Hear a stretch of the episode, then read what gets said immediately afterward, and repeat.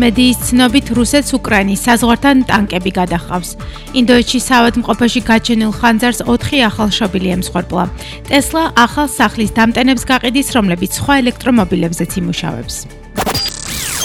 ეთერშია მსოფლიო სამბები. ნინა ჩიხრაძესთან ერთად. მოგესალმებით მსოფლიოში განვითარებულ მნიშვნელოვან მოვლენებს გაგაცნობთ.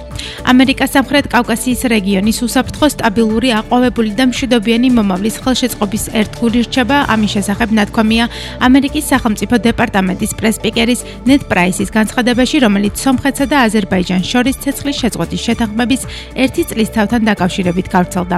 როგორც ნედ პრაისის განცხადებაში აღნიშნული ევროპისა და ევრაზიის საკითხებში სახელმწიფო მდივნის თანაშემწის მოადგილე ერიკა ოლსონი ამჟამად რეგიონში იმყოფება რათა სამივე ქვეყანასთან ორმხრივი საკითხები განიხილოს და რეგიონული თანამშრომლობის შესაძლებლობები შეისწავლოს. ამერიკა მოუწოდებს სომხეთსა და აზერბაიჯანს გააგრძელონ და გააძლიერონ თავიანთი ჩართულობა მათ შორის ეუთოს მინსკის ჯგუფის თანათავმჯდომარეების ეგიდით თიანი ყარაბაღის კონფლიქტთან დაკავშირებული და გამომდინარე გადაუჭრელი საკითხების ყოვლის მომცველი გადაწყვეტილებების მოსაძებნად. ევროკომისიის პრეზიდენტი ურსულა ფონ დერ ლაიენი ევროკავშირს ბელარუსის წინააღმდეგ ახალი სანქციების დაწესებისკენ მოუწოდებს.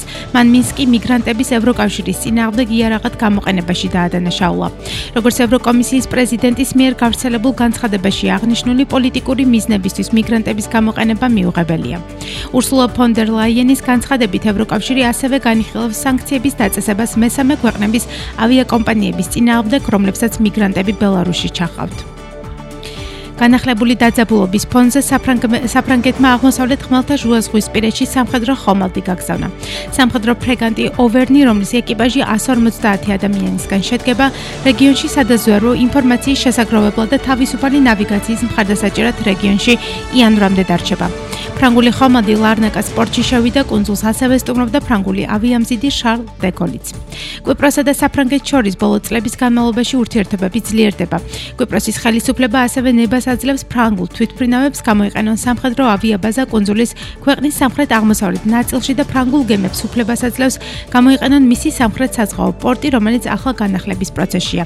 ფრანგული ენერგეტიკული კომპანია Total და მისი იტალიელი პარტნიორი Eni მომავალ წელს სავარაუდოდ კვიპროსის სამხრეთ სანაპიროს წყლებში ოფშორულ ბურღვას განახორციელებენ.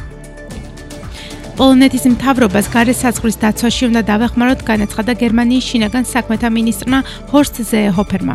ჰორსტ ზეეჰოფერმა ხაზგასმით აღნიშნა, რომ იგი მხარს უჭერს პოლონეთის გადაწყვეტილებას ბელარუსთან საზღვარზე კედლის მშენებლობის შესახებ.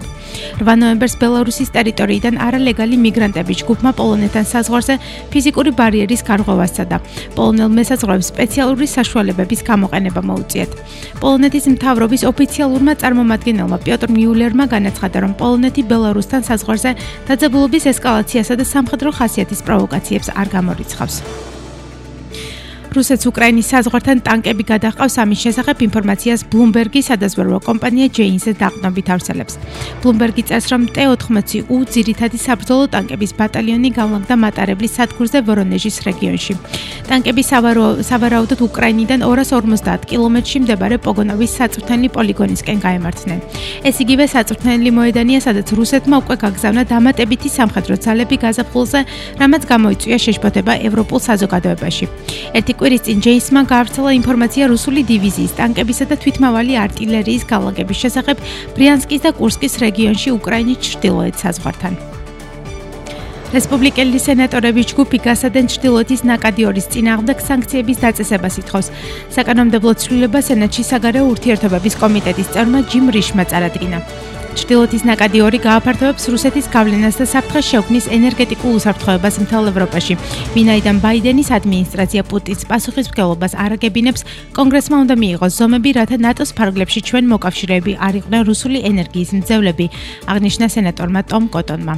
სენატორი ჯიმ რიში აღნიშნავს, რომ მას შემდეგ, რაც ჯო ბაიდენმა ჩრდილოეთის ნაკადი ორის წინააღმდეგ სანქციები გააუქმა, რუსეთმა შეწყვეტა გაზის ტრანზიტი უკრაინის გავლით და ასევე უკრაინის საზღვარზე სამხედრო ძალების რაოდენობა გაზარდა. გაზარდა.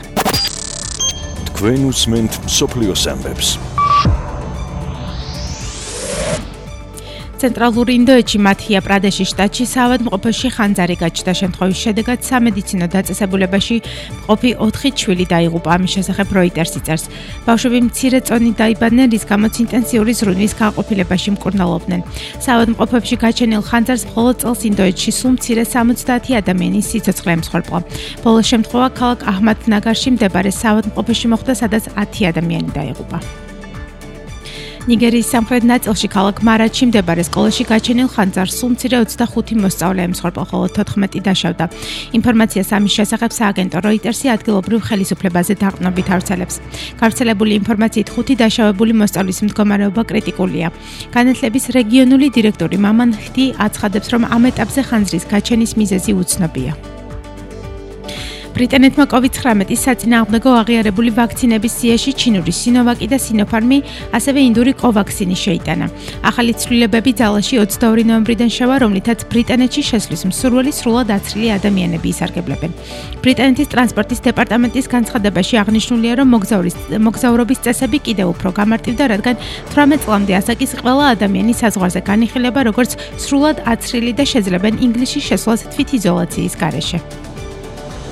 ახალზელანდიაში სავალდებულო ვაქცინაციისა და შეზღუდვების გასაპროტესტებლო დემონსტრაციაზე ათასობით ადამიანი გამოვიდა.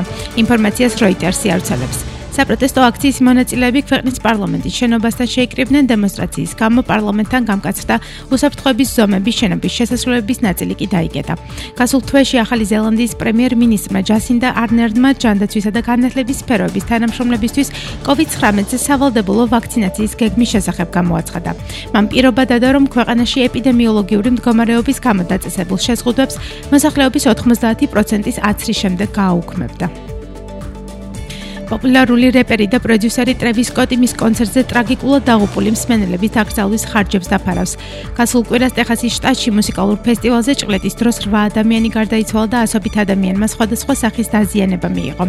პოლიციის ინფორმაციით მუსიკალური ფესტივალის გახსნაზე ჭყლეტა პანიკას მოყვა, პანიკა კი ხალხის სცენასთან შეგროვების შემდეგ დაიწყო. ღონისძიებას 50000-მდე ადამიანი ესწრებოდა. ფორსაჟის ვარსკვლავმა ვინ დიზელმა ყოფილ კოლეგას დუეინ ჯონსონს საგის გაგრძელებაში დაბრუნებისკენ მოუწოდა. ამის შესახებ The Hollywood Reporter წერს. გამოცემის ინფორმაციით მსახიობებმა 2016 წელს ფორსაჟის მერვე ნაწილის გადაღებებზე შემოქმედებითი უთანხმოების ნიადაგზე ძლიერად იკამათეს და მათი ურთიერთობა დღემდე დაძაბულია. მას შემდეგ ჯონსონი, რომელიც ფორსაჟის 5-8 ნაწილებში სპეცაგენტ ჰოპსის როლს ასრულებს, დიზელთან ერთად კადრში არ გამოჩენილა. Instagram-ზე გამოქვეყნებულ მიმართვაში დიზელმა ჯონსონს უმცროსი ძმა უწოდა და თქვა, რომ მისი შიშვლებისთვის ის სამუდამოდ ბიძია დუეინად დარჩება.